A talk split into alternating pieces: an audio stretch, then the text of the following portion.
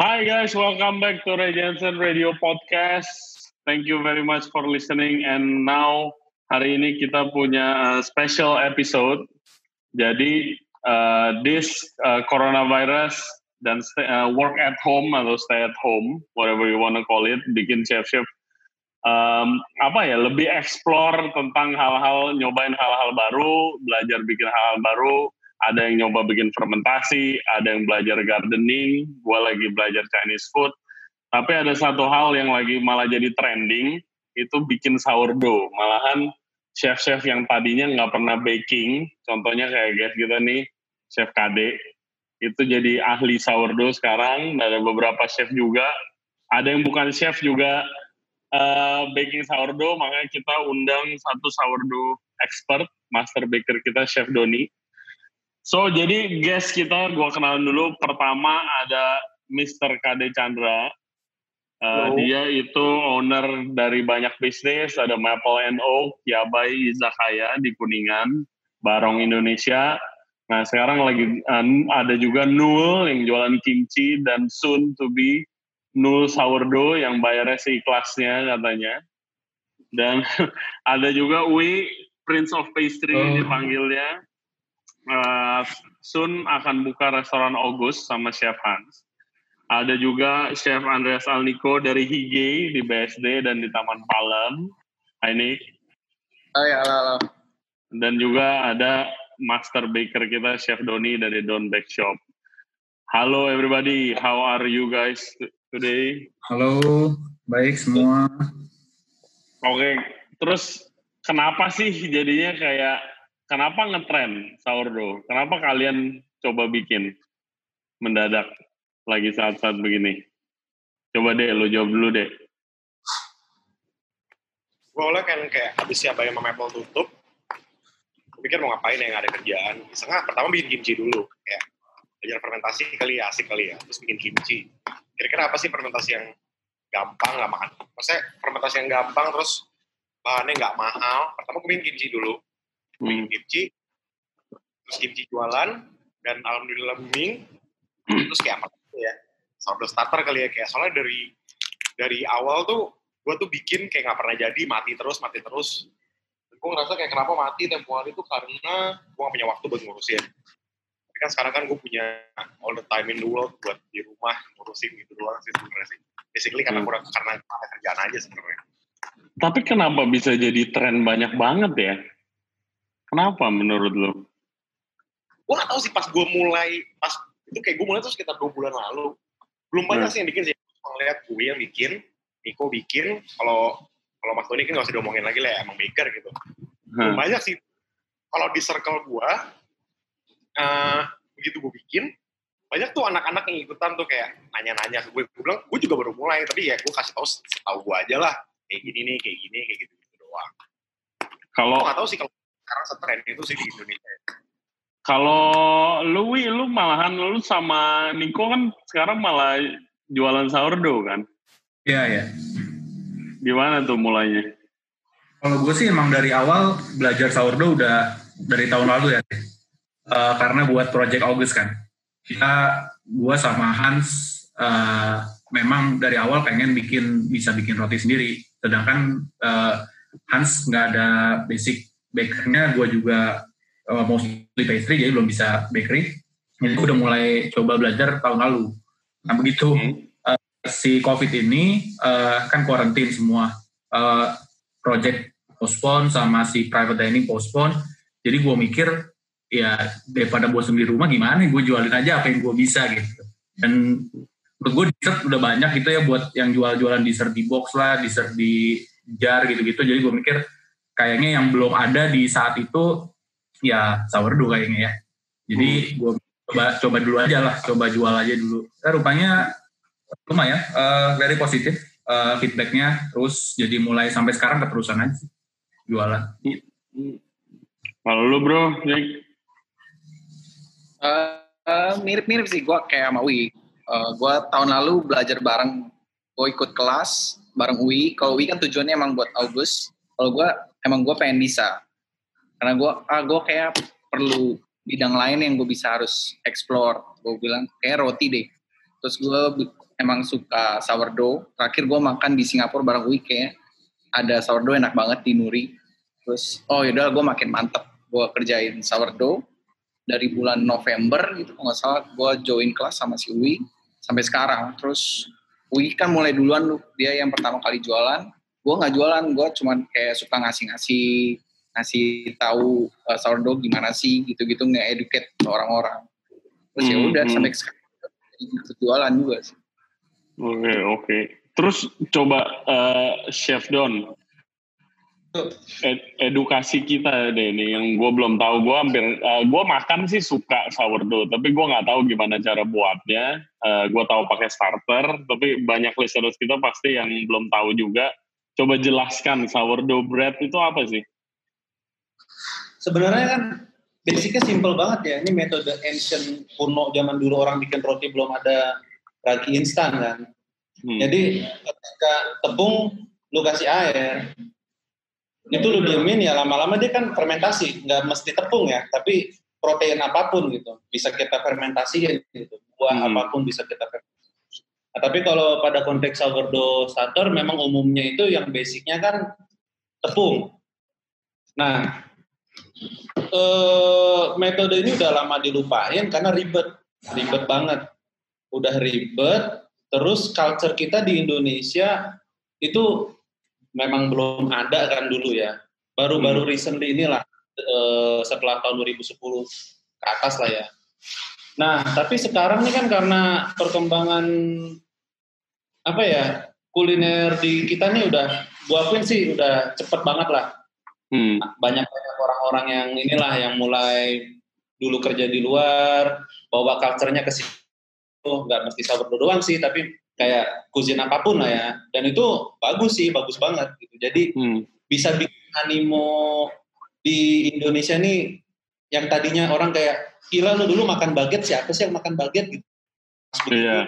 tapi malah itu jadi item favorit di bakery-bakery bahkan bakery-bakery yang komersial gitu. Ya cuman memang kan kalau kita ngomongin proper atau nggak propernya itu ya itu beda lagi konteksnya gitu kan. Hmm. Nah, sebenarnya kalau banget. kalau ngomongin tadi kan lu ngomong starter awalnya kan pakai eh, sourdough starter kan itu berarti eh gue mau nanya itu kan katanya harus dikasih makan raginya. Betul. Itu gimana caranya sih? Ya ya kayak mikroorganisme lainnya kan perlu makan juga namanya li- living thing kan ya living being gitu. Nah Hmm. jadi kalau untuk sourdough yang kita bikinnya dari tepung ya kan karena mother, mother dough itu juga ada yang dari fruit water eh, yeast water gitu kan nah itu ya lu kasih makannya bisa dari tepung juga dan tepung ini grainnya kan macam-macam ada yang whole ada yang wheat ada yang berbagai macam jenis wheat yang lainnya apa eh, starch yang lainnya gitu nah kalau Hmm. untuk konteks sourdough itu biasanya dua jenis itu ada tepung yang dari wheat yang dari gandum atau dari rye tepung yang dari rye gitu nah lu kasih Eh, sorry makannya bentar dipotong ya. Gue ini dulu, gue stress spot sekali. Sorry. silakan silakan silakan Ya, jadi ya lu kasih makannya pada saat sama seperti lu bikin mother dough-nya. Jadi basically ya water sama flour. Dan itu sih metode yang gue pakai kebanyak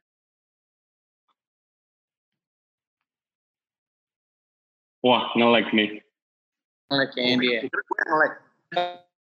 Nge-lag. ngelek coba dilanjutkan deh Sebenarnya sama sih kalau misalkan feeding, orang tuh kadang suka bingung ya. Feeding itu apa? Feeding itu literally sebenarnya cuma apa yang ada di sini. Ini starter gue by the way. Apa yang ada di Hmm. sini itu lebih lihat water kayak bikin lagi. yang lagi. oke oke sorry sorry eh, Putus ya? sorry Sorry ya? Don apa? Don Nge- ngelek Tadi ngelek ngelek, ngelek Don. ngelek sorry, sorry.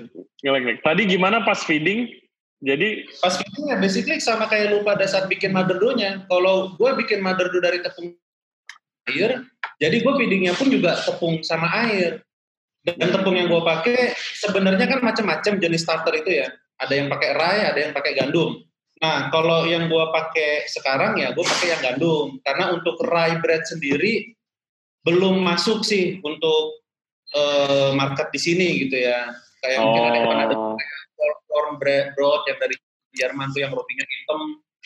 Nah itu starternya beda lagi tuh bro. Jadi si itu lu pakai sirai gitu. Oke, oke, oke. Coba deh tadi mau dijelaskan praktiknya gimana? Tadi udah jelasin sama Mas Doni kan? Ya gimana sih? Ambil starter lu bro. Oke, kalau sebenarnya kalau feeding kebanyak kalau sorry ya Mas Doni ya, kalau gue sotoy bilang aja ya. Jadi tuh ada beberapa ada beberapa kayak anak kuliahan nanya gue kok kalau mau feeding tuh gimana sih caranya sih? Ya basically kayak apa pun yang ada di sini, berapapun misalkan lu punya 100 gram, ya lu feed, uh, lu kasih makan dengan 100 gram tepung dan 100 gram air. Simpelnya kayak gitu. Nah, Hmm, terus hmm. intinya kayak gue jelasin, anggap aja ini tuh di sini tuh ada satu koloni tentara. Mereka tuh abis abis abis abis perang gitu loh ibaratnya loh. Gue bilang kayak gitu. Mereka tuh kelaparan. Dan lu harus kasih makan mereka dengan jumlah yang sama. Kalau misalkan lu kasih jumlah lebih sedikit, ibaratnya kayak satu koloni itu kan ada yang nggak kebagian makan dan ujung-ujungnya nggak efektif. Hmm, Antara lu kasih hmm. sama atau lebih banyak. Gitu. Terus jadi lama-lama dia makin banyak apa nanti dimakan tuh hilang gitu? Enggak. Ini kan dipakai. Ini kan Hmm. dipakai. Oh iya dipakai dipakai kan lu buat bikin roti gitu. Ya. Misalkan hari ini kayak gue bikin 3 loaf, gue pakai 300 gram dari sini. Sisanya paling cuma kayak 25 gram. Nah, ini gue kasih makan lagi. Tapi kalau misalkan Ah. udah terlalu banyak, buang. Nah kebanyakan juga Oh. Anak-anak ini tuh kayak mereka tuh kayak excited untuk build up so much gitu loh. Kayak gue punya lima gue punya 800 gram loh kok starternya. Gue bilang lu bakar di rumah kan? Kayak seminggu cuma bakar dua kali 800 gram tuh banyak banget loh asal lu tahu. Gue cuma punya 200 gram di rumah gue perasaan gitu. Hmm, hmm, hmm, hmm. Nah, terus Wi, gimana cara misalnya udah kita udah punya starternya, diapain supaya jadi roti? Dan apa bedanya sourdough sama country bread country bread yang lain? Karena Hmm. menurut gue di, di Indo country bread aja belum sempat ngetren, tiba-tiba udah ke sourdough gitu. Gua nggak expert apa bedanya country bread sama sourdough. Menurut gue sama-sama aja itu artisan bread gitu ya jenisnya yang kayak uh, from dari dari Europe lah. Intinya roti keras. Kita ngomongnya itu roti keras. Cuma basically lu udah dapat starternya, di sini starter gua. Uh, basically ya lu harus punya resepnya for the start itu harus punya resepnya dulu. Nah itu dari mana uh, harus searching. Kalau gua pun searching, harus R&D terus sampai lu ketemu yang sesuai sama yang lu punya mau. Dan menurut gua sourdough nggak bisa disamaratakan. Oh ini resepnya gitu. Jadi uh, resep gue udah pasti beda sama Kade, udah pasti beda sama Doni, udah pasti beda sama Niko. Uh, cuman uh, basicnya sama gitu, bahannya Hmm. sama gitu. Hmm.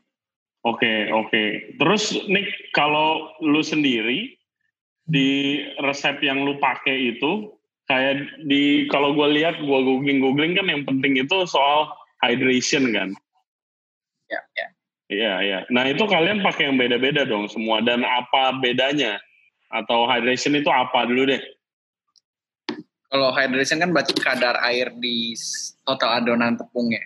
Misal eh, 500 adonan, eh, airnya misal 375 berarti itu sekitar 75 persen lah hydration kayak gitu. Hmm. Efeknya ke adonan, hasil jadinya mungkin di tekstur rongga juga pengaruh. Tapi yang itu mungkin harus Chef Don yang jelasin banget kayaknya. Cuman kalau Semuanya pada malu-malu gila. ya takut salah kan tapi rata-rata hydration tuh 70-an lah Hmm. Tapi kalau Chef Don sih selalu saranin 80 cuman itu lagi-lagi kayak preference lu sendiri sih kayak maunya mau 65 mau 70 mau 72 itu uh, terserah gitu. Oke, oke, oke. Dan oke, Chef Don, eh sourdough yang bagus tuh kayak gimana sih kalau misalnya orang potong kan selalu dipamerin rongganya gitu kan? Gimana? Gimana? Kan Sorry. kalau misalnya gue lihat di Instagram pasti kalau yang dipamerin itu crustnya atau enggak begitu dia potong rongga-rongganya kan. Jadi sebenarnya kalau bilang nilai yang bagus itu kayak gimana roti yang roti yang oke gitu. Sebenarnya sih nggak ada kayak oh roti yang bagus tuh gimana atau roti. Jadi kalau kita lihat dari tradisi setiap region ya setiap negara, contohnya kita bilang eh, kita ambil dari Prancis deh. Hmm. Nah Prancis itu beda style sama Jerman. Hmm. Kita pergi ke Nordik, di Nordik beda lagi. Ya, Kita berat ke banget sih kalau di Nordic berat banget rotinya, dikunyah aja Nordic susah. itu kebanyakan pakai eh, pakai rai dia Hmm, lebih hmm. cenderung gitulah ya. Nah kita pergi ke US San Francisco itu beda lagi stylenya gitu. Nah Hmm. sekarang tugas kita tuh gini loh, kayak gimana caranya tetap uh, leavening agentnya kita pakai sourdough, tapi bisa karena kan kita tahu ya selera di Indo yang umum itu kan unik lah setiap uh, negara kan pasti punya apa sih kayak orang Singapura sukanya begini, orang kita sukanya makan Hmm. pedas. Gitu. Nah sama juga kayak roti gitu, kenapa belum populer? Ya karena pertama keras kan, keras di uh, kulitnya itu keras dan memang seharusnya keras gitu kalau kita bicara Hmm. crusty bread. Ya tapi kan nggak mesti begitu juga karena kita lihat di Jepang, di Jepang tuh sama di Korea pinter banget gitu, baker-baker mereka tuh mikir ah kalau gue jual yang crusty-crusty begini juga akhirnya kita bener-bener kayak European banget, kita nggak Hmm. out sama karakter kita sendiri tuh apa gitu loh. Hmm. Nah, jadi sebenarnya sourdough, sourdough itu kan hanya leavening agentnya, pengembangnya. Jadi Oh, bu- bukan berarti sourdough itu harus roti keras atau roti roti-roti yang keras di bread kayak Amerika atau European gitu enggak. Jadi sourdough itu ya si leavening agentnya aja, kayak kita Hmm. pakai ragi instan. Gitu. Nah kalau masalah hydration ya, kalau kita bikin untuk eh, artisan bread European style gitu ya, yang udah memang kayak di Italia ada focaccia, ada ciabatta, macam-macam tuh ya. Nah itu biasanya hydration di atas 90%, bahkan sampai Hmm. 100%. Tapi karena tepung mereka tuh bagus, proteinnya kuat, ya kan, kadar proteinnya, ash-nya, absorption-nya bagus. Di Indonesia ini susah bro. Di Indonesia ini tepung yang kualitasnya bagus untuk eh, bikin artisan bread itu masih jarang banget. Iya pasti Karena- lah, karena memang nggak nggak ada culture artisan Karena bread jangan. Toppingnya ya, untuk bikin starternya aja itu sebenarnya yang bagus kan tepung organik dan stone ground, bukan dan unbleached ya. Jadi pertama harus unbleached, kedua harus organik, ketiga harus stone ground. Kenapa? Organik karena kan ini living thing ini kan eh, bakteri ya. Hmm. Jadi lu bikin dari yang organik yaitu akan lebih Ya maintain, lebih oke bertahan. rasanya. Hmm, hmm. kan ada juga nih yang pernah eh, ngalamin ya antara bertiga yang pada udah bikin sourdough kok eh, setiap feeding kadang-kadang pakai tepung yang ini pasti udah pada ngelewatin lah researchnya pakai tepung merek ini kok kurang naik pakai tepung ini kok kurang bagus gitu ya karena itu tepung yang ada di di Indonesia ini belum belum bisa ya bisa jadi gitu dan gue Hmm. pakai tepung Indonesia gitu tapi ya memang limited banget gitu Oh oke, oke Ya. oke. Nah, masalah Jadi- hydration itu tergantung lu bikin apa? Lu bikin baget ya baget itu biasanya hydrationnya 80 sampai 85 nah lu bikin roti eh, sourdough yang San Francisco style nih. Yang kayak tartin yang kayak yang Hmm. model-model di lah San Francisco lah. Itu udah Hmm. di atas 90 jadi mereka cenderung flat.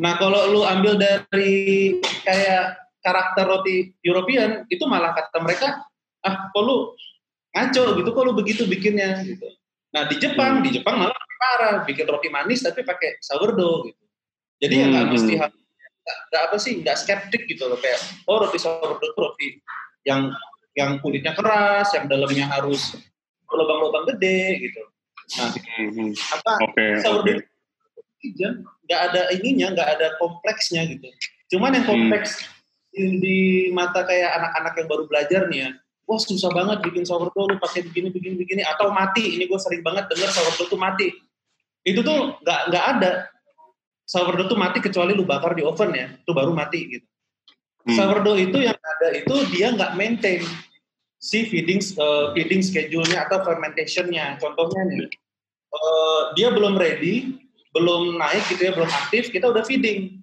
Dia akan ya udah nggak kembang karena dia belum lapar. Gimana sih kita Hmm. belum lapar? Udah lagi dikasih makan. Iya. Ya, Hmm, hmm. sama juga kayak sourdough. Jadi kita harus jaga antara dia udah lapar, kita kasih makan biar dia kuat, tapi jangan over juga gitu. Nah masalah rasio rasio feedingan pun juga beda-beda. Kalau yang standar itu kan eh, rasio satu banding satu ya. Misalkan nih contohnya ini, eh, ini mother dough ya. Mother dough ini biangnya. Nah ini ini levernya nih. Leven ini yang udah specifically gue fit dari dia untuk bikin roti. Gue perlu berapa resep? Gue perlu berapa kilo adonan contohnya gitu ya. Nah, untuk bikin sourdough itu eh kalau untuk basicnya iya satu banding satu. Lu punya 50 gram starter, lu kasih makan 50 gram air sama 50 gram eh, tepung gitu ya. Tapi itu untuk karakter roti yang eh, seperti apa? Hmm. Nah, kalau lu pengen karakter roti apa lagi? Lu pengen yang bener-bener acidic contohnya. Itu lu eh, harus lu tingkatin lagi eh, rasionya. Jadi dan fermentation time-nya setelah lu feeding kan kita ferment lagi tuh ya setidaknya at least 2-3 jam tuh udah ready buat bikin roti ya. Tapi kalau lu bermain untuk rasa nih flavor karena kan kalau flavor dapat dari mana sih? Ya dapat dari fermentasi. Orang bahannya tepung doang kok sama air sama garam. Ya Hmm. rasanya itu dari mana? Teksturnya dari mana ya dari fermentasi. Jadi fermentasi itu the the key-nya dalam bikin sourdough gitu. Bukan si bukan kayak tekniknya, skillnya itu sebenarnya enggak. karena- Hmm. Kayaknya apa sih basic banget kok. Lu nggak perlu mixer juga bisa gitu kan. Lu tinggal tapi maintain si schedulingnya istilahnya nih kalau lu baru belajar bikin sourdough itu schedulingnya, maintaining uh, feeding si mothernya dulu seperti apa karena beda sih setiap kayak lu tinggal di Jakarta Utara, gue tinggal di Jakarta Timur itu beda bro di tempat gue misalkan kan panas humid ya di Jakarta Timur gue di Gadung gitu gue lebih cepet untuk maintain uh, si sourdough ini cepet naik gitu ya jadi gue Oh, perlu- oke. gue perlu interval yang lebih cepat. Tapi kalau misalkan gue di Bandung, contohnya, pertama dia high altitude kan. Kalau dia high altitude, dia akan lebih lama untuk bereaksinya dan dingin gitu kan. Jadi lu nggak perlu interval uh, feeding lebih sering gitu. Hmm, oke oke oke. Lu nggak ngomong sendiri. Enggak, jadi eh, jadi berarti berarti kalau KD di Jakarta Barat, Wi lu tinggal di Jakarta mana, Wi? Jakarta Barat sekarang. Oh Jakarta Barat juga, lu Jakarta Timur Don. Dia di Tangerang, Niko. Berarti musiknya rasanya beda-beda dikit ya? Coba gua gua gua cobain nih satu-satu kalau gitu. Terus buat yang lagi di eh, rumah, lagi dengerin dan mau nyoba, perlu alat apa aja sih untuk itu untuk lu mau mulai bikin sourdough nih, tapi di rumah aja, bukan mau jualan. Perlu sabar. Apa? Nomor satu. Perlu perlu sabar. Sebelum alat perlu sabar dulu. Perlu kira-kira berapa hari sih buat itu? 7 lah ini, 7 sampai 12 hari ya. Gue sih hari ke-12 gue udah bisa pakai starter. Iya. Oh hari 12, hari ke-12. Oke, Ada sih oke. 7. Cuma kayaknya tuh lebih baik kalau di mature lagi, jadi kayak gue kasih 12 sampai 14 hari.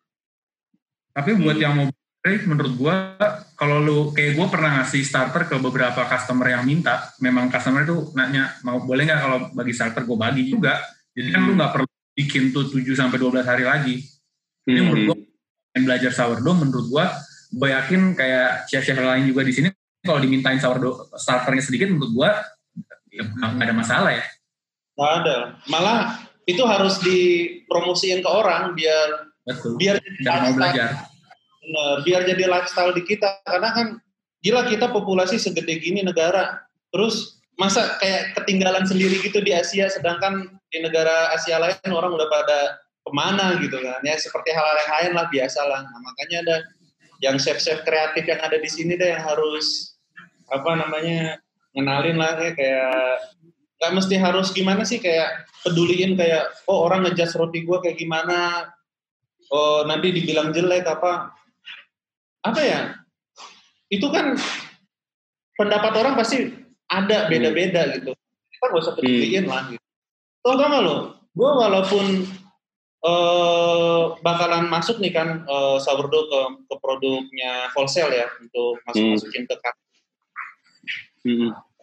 bahkan lo harus break the standar sedikit gitu karena kalau Iya. contohnya nih sourdough itu kan pokoknya gede-gede tuh kalau lu bikin Hmm. yang hydration besar lu bikin yang bener-bener apa sih yang shapingannya tuh dijaga gasnya biar nggak biar nggak rapet gitu tapi kalau lu masuk ke kafe orang order sandwich tiba-tiba rotinya begitu itu dressingnya feelingnya tuh semua kan pada copot-copot tuh dikasih Oh, iya, dressing iya. aja susah Ah, Nah, ak- itu semua kafe yang udah kons- ko- apa udah udah deal sama sama gue gitu dia bilang kita nggak mau yang ada earnya pak Itu jadi gue kayak, ah, lu mau sourdough bread tapi nggak mau yang ada earnya, scoringnya. Padahal lu ngejudge kan dari si scoringnya juga. Lu Hmm. menandakan itu fermented well, score well, ya kan? Nah tapi kalau udah begitu di Iya begitu udah di apa lu terjun ke industri masuk untuk ke klien-klien kafe restoran itu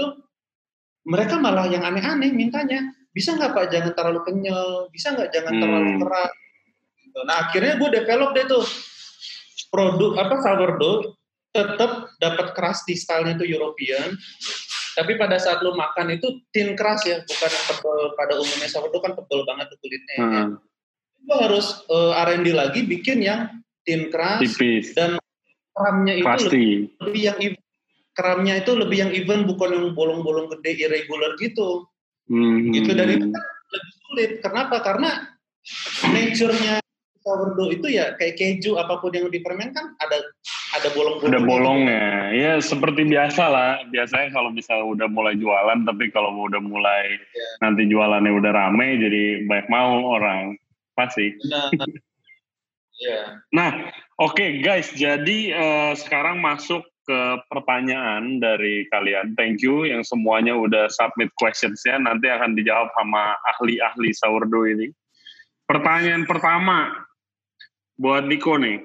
What flour is the best to make lebang and how is the hydration percentage affecting sourdough?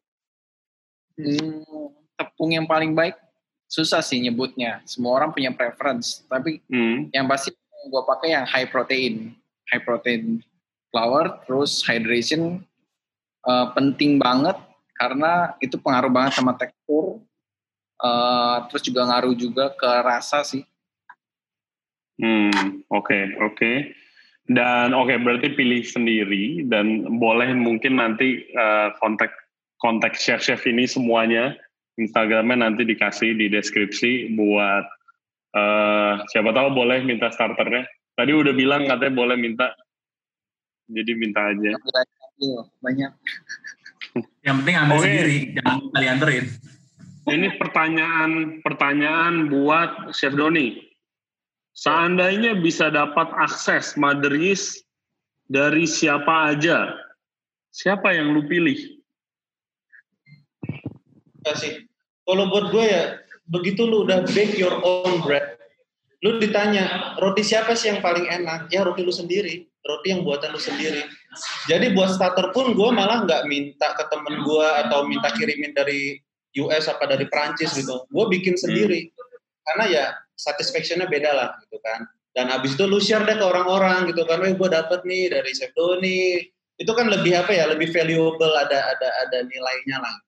Hmm. Jadi buat gue tetap mendingan bikin sendiri guys daripada kayak apa sih eh, nggak salah juga ya kalau lu nggak punya waktu lu minta gitu ya. Tapi Eh, gue lebih aja kalau bikin sendiri jadi lu lebih paham juga ke depannya untuk maintainnya. beda kalau lu yang jawab. Kalau ada yang jawab dia mau starter lu kayaknya.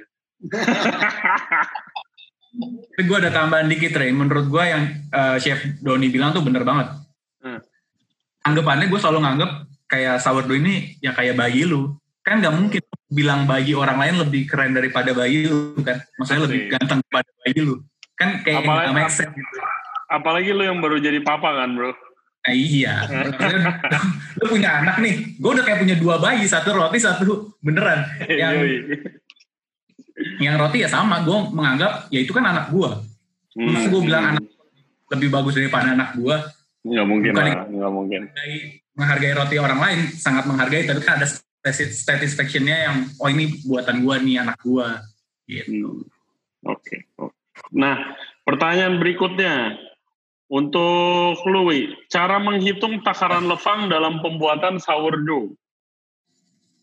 hitung takaran levang ya oh berarti eh, tergantung ya cuma biasanya di around 20% dari total tepung kali ya bener nggak sih Don? Benar-benar. 20% itu udah paling ini udah paling apa ya common lah. Hmm. Oke. Pertanyaan selanjutnya buat KD nih. With the same starter, will today and tomorrow's bread bread come out different? Gimana gimana? Pakai bahasa Indonesia aja dong bro. Ya ini pertanyaan bahasa Inggris bro. Jadi kalau misalnya starter hari ini, starter hari ini sama besok rasanya sama apa enggak? Wah, feeding apa sebelum feeding? Ya nggak tahu. Ini pertanyaannya pokoknya begitu. Iya. Nah, feeding apa sebelum feeding? Ya Kalau- terserah. Kalau ini gue jawab sesuai pemahaman gue aja ya. Heeh. Kalau siklus gue, misalkan kayak malam, eh, besok pagi gue tau gue mau bakar, jam 12 malam tuh pasti gue kasih makan. Hmm. Supaya kayak, terus gue tinggalin di kamar, supaya kamar kan dingin kan, pakai AC kan. Jadi kayak begitu Hmm. gue feeding, dia masih rendah, pas gue bangun pagi tuh dia naik. Nah, bangun pagi tuh Oke. gue langsung aduk. Jadi harusnya sih beda sih kalau ini makanan itu udah proses fermentasi. Oh jadi beda ya, beda. Oke. Oke, pertanyaan terakhir ini buat semuanya. Jawab satu-satu. Siapa nama starter kalian?